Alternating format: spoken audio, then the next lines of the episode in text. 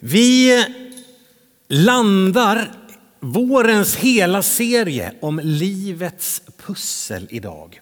Så att om, eh, om en halvtimme så finns det två stycken stora pusselbitar eh, bara att hämta. Om du vill ha lite inredningsdetaljer hemma, tänker jag alltid vill ha en pusselbit. Varsågod och ta hem den så slipper vi ha den i något förråd här uppe. Eh, så är det någon som vill så ta hem en pusselbit idag. Eh, livets pussel har innehållit de här stora dragen av liksom, livet och tron på Gud i ett större perspektiv. Vi har talat om en kristen världsbild. Att vad är det för glasögon som jag betraktar min tillvaro genom? Alla har vi någon form av glasögon, någon form av världsbild, utgångspunkt. Vad är din utgångspunkt? Vi talade om en kristen världsbild, hur viktigt det är att se på tillvaron ur ett bibliskt perspektiv, att det finns en Gud i himmelen som har talat. Vi har talat om en identitet, att jag behöver inte jaga, leta, försöka skapa en identitet, utan jag har en identitet hos honom. Hur hittar jag mig själv? Jo, genom att vända mig till honom. Där hittar jag mig själv. För vi är skapade till Guds avbild. Och för att veta liksom, den korrekta avbilden måste jag titta på originalet. Bland annat. Vi har talat om betydelsen av ordet, att finnas med i ett sammanhang. Många stora sådana bitar. Och sista veckorna har vi landat mer i livspusslet i livets pussel. För du går ju inte så ofta och funderar på livets mening. Kanske ibland. Men jag tror att oftare funderar vi på vad står det på inköpslistan? Hur ska jag hinna med tvätten? Hur blev det med det där? Ska jag hinna ringa där? Hur gör jag med det här? Alltså allt det här att få livet att funka. Det som är vardagen. Ehm. Och sen då när det här livspusslet inte riktigt funkar. När bitarna liksom inte står som de ska.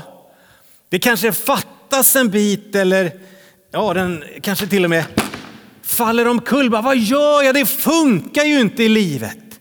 När livet är mera kamp än välsignelse. Mera oro än frid.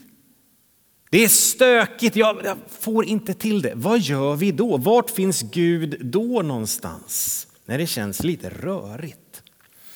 Vi ska läsa en text idag från Gamla testamentet, profeten Jeremia, som ger oss en bild av Guds omsorg när det blir lite jobbigt. Och det handlar om en drejskiva och en kruka. Hur många här inne har prövat att dreja? Hand upp.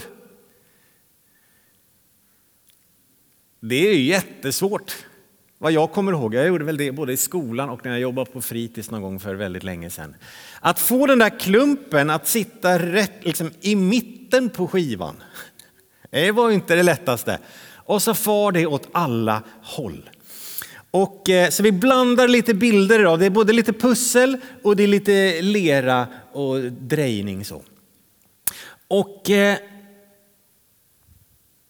Gud säger till profeten Jeremia att gå ner till krukmakaren. Så vi befinner oss i en lite lerig verkstad där det sitter en människa med ett stort förkläde och drejar. Och så läser vi från Jeremia 18, vers 1. Detta ord kom till Jeremia från Herren. Han sa, res dig och gå ner till krukmakarens hus. Där ska jag låta dig höra mina ord. Då gick jag ner till krukmakarens hus och såg att han arbetade på drejskivan. Och kärlet som han höll på att göra av leran misslyckades i hans hand. Då började han om och gjorde det till ett annat kärl så som han ville ha det. Och Herrens ord kom till mig. Han sa, kan jag inte göra med er, ni Israels hus, så som den krukmakaren gör, säger Herren. Som leran i krukmakarens hand, så är ni i min hand, Israels hus. Herre, jag ber dig att ditt ord ska få tala in i våra liv. Herre, jag ber för oss som är samlade här den här söndagen. Ber för den som lyssnar på det här efterhand. Tack Gud att du kan tala. Tack att ditt ord är levande och verksamt. Och jag ber att det ska göra någonting viktigt i våra liv här idag. Amen. Amen. Jeremia han är ju en av profeterna som talar till Israels folk. Vi är på 600-talet.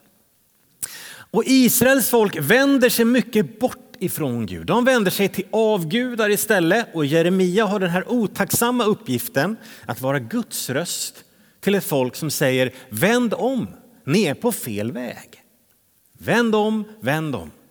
Han talar både till det politiska ledarskapet och till prästerskapet. Ett folk som är på avvägar och Gud varnar dem och säger det här kommer inte gå bra. Men de på något sätt fortsätter på samma spår och till slut så faller ju Israel, det som är kvar och den babyloniska fångenskapen inträder och Babylon liksom erövrar hela Israel och Jerusalem. De förs bort. Och Jeremia han är med ända till slutet egentligen. Och den här bilden, eh, alltså det är lite spännande att Gud säger till Jeremia så här, gå ner till hans verkstad. Där ska du få se någonting. Och när Jeremia går dit och ser, vad gör krukmakaren? Där började Gud tala. Och de här orden, de kommer ju innan fångenskapen är ett faktum. Så det här är ju en profetia på något sätt om att ni som är Israels folk, ni som är min kruka, ni kommer att gå sönder. Ni är på fel väg. För Guds tanke med folket, det här vill jag med er, det blev inte. För de hade hårda hjärtan och vände sig bort. Men det den här texten också säger, sagt, vi är innan det händer och Gud säger det kommer gå åt skogen. Men det är inte kört för det. För krukmakaren, han började ju om efter att det hade gått sönder. Han gav inte upp, han slängde inte bort lerklumpen och sa bort med den, jag tar någonting helt nytt. Nej, han började om med vad då? Med det som han hade.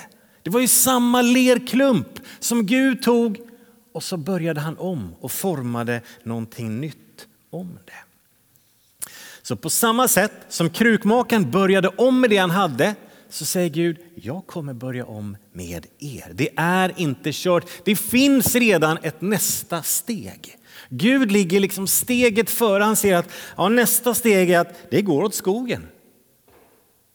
Men Gud är ett steg till och säger att efter att det har gått på tok så kommer jag fortsätta med er och upprätta er. För Jeremia, han är också en av de profeter som talar tydligast om en Messias, om någonting annat som kommer då efter detta. Se på de här raderna från Jeremia 31.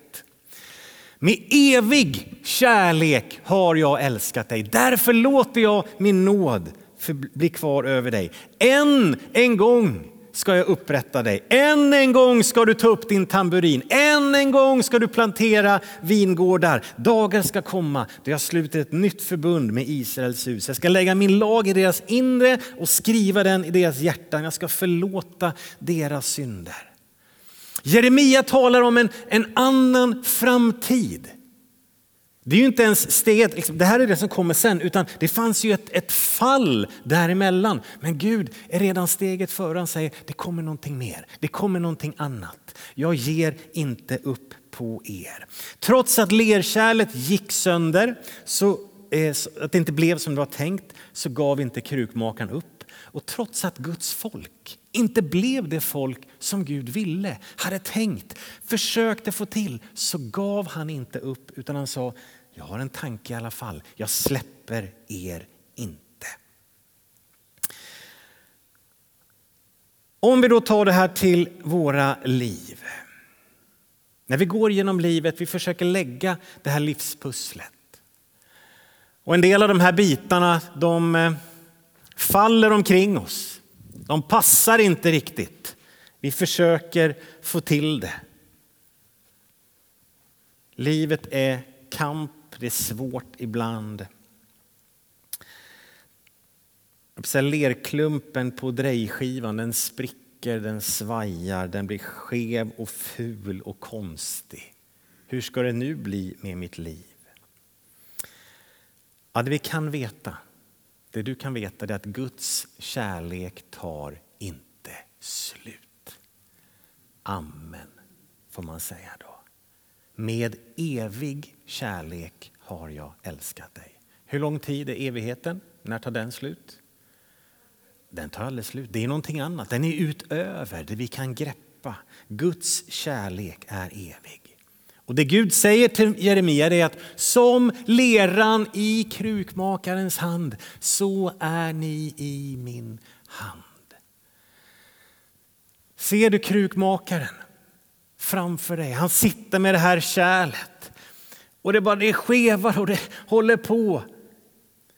Men han tar ju inte leran och slänger bort den. Utan istället så de fasta, starka händerna som har gjort det här så länge Ta ett fastare grepp om leran. Säger, nu börjar vi om och börjar forma igen. Gud har inte glömt dig, Gud har inte släppt taget.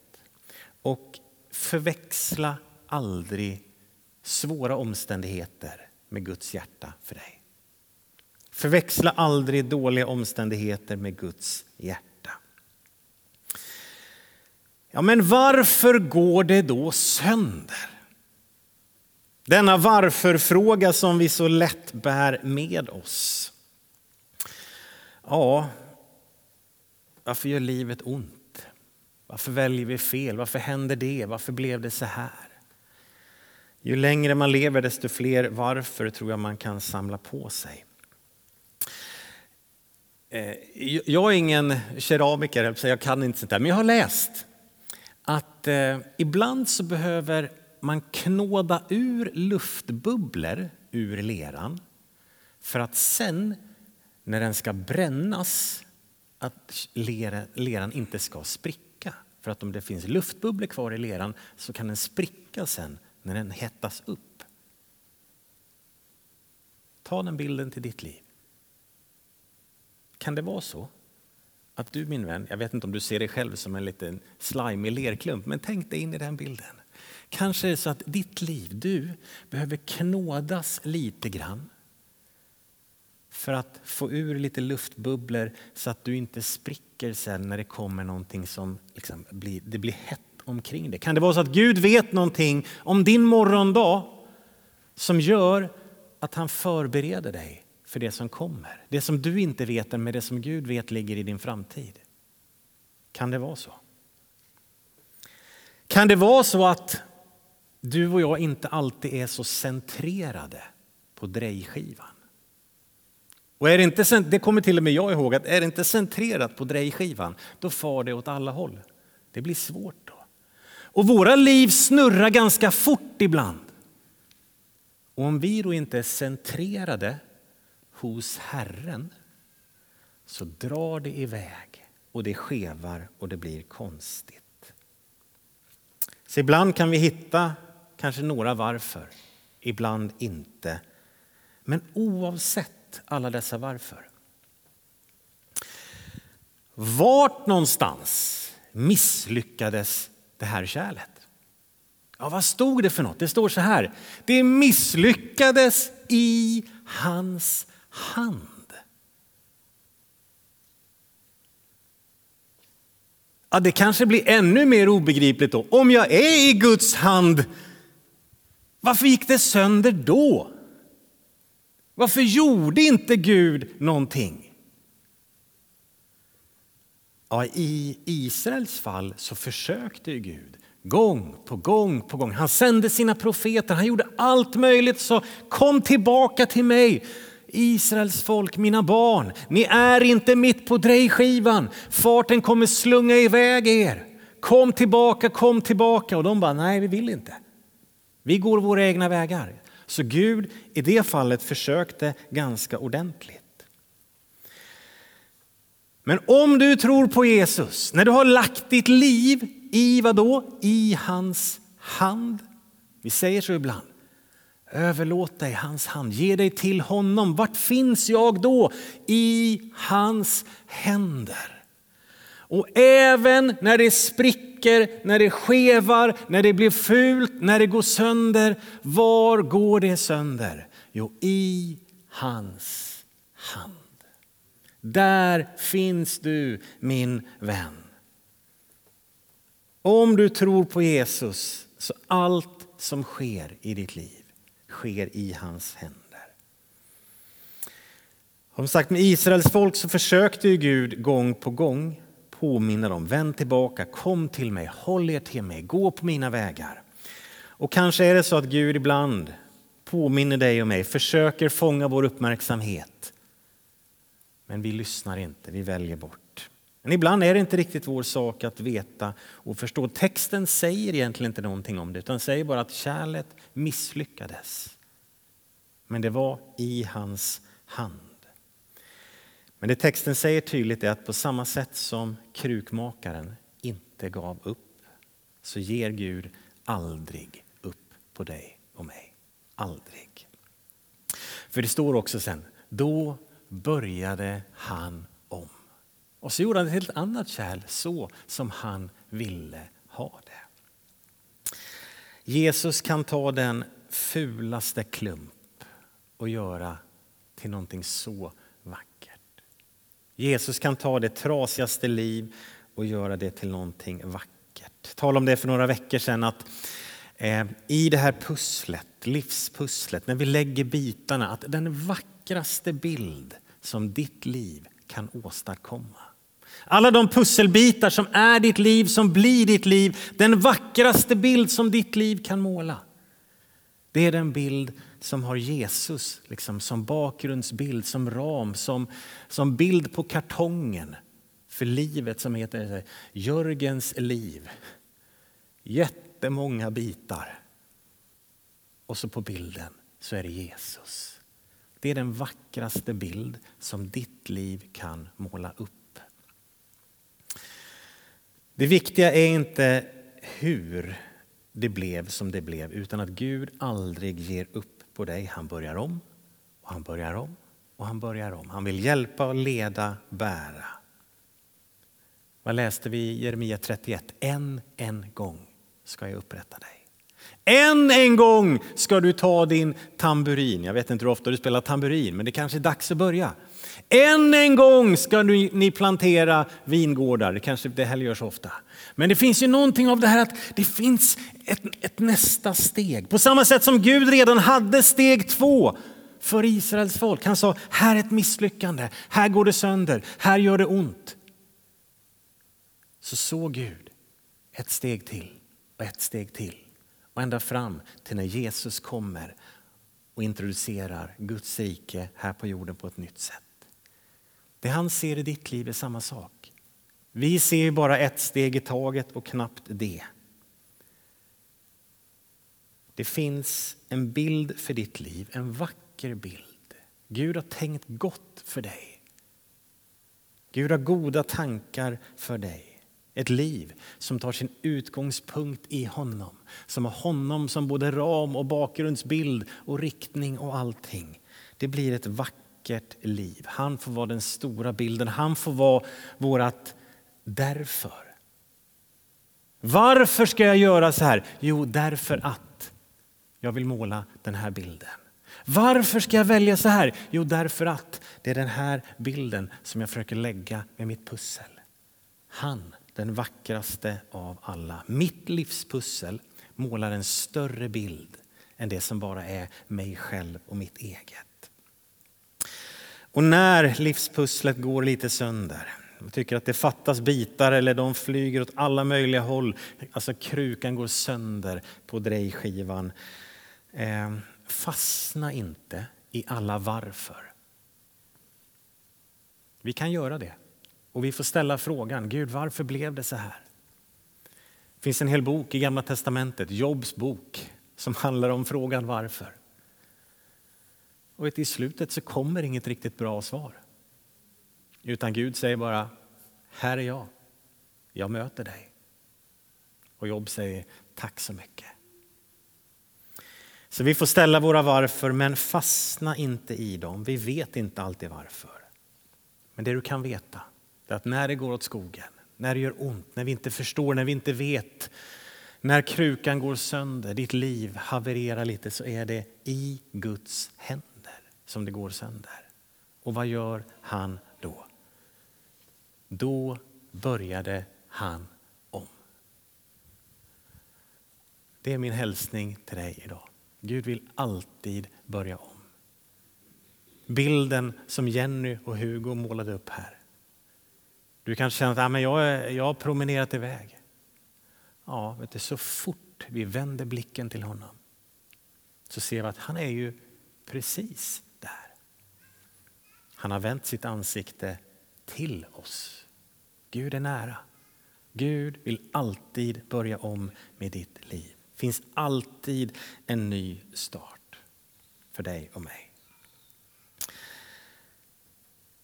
Lägg ditt livspussel efter bilden i livets pussel som heter Jesus Kristus. Hitta ditt därför till alla varför. Hitta ditt därför till dina val, dina prioriteringar. Varför gör jag så här? Jo, därför. Mitt liv håller på att lägga ett vackert pussel som heter Jesus Kristus. Och vackrare än så blir inte ett mänskligt liv här på jorden. Amen.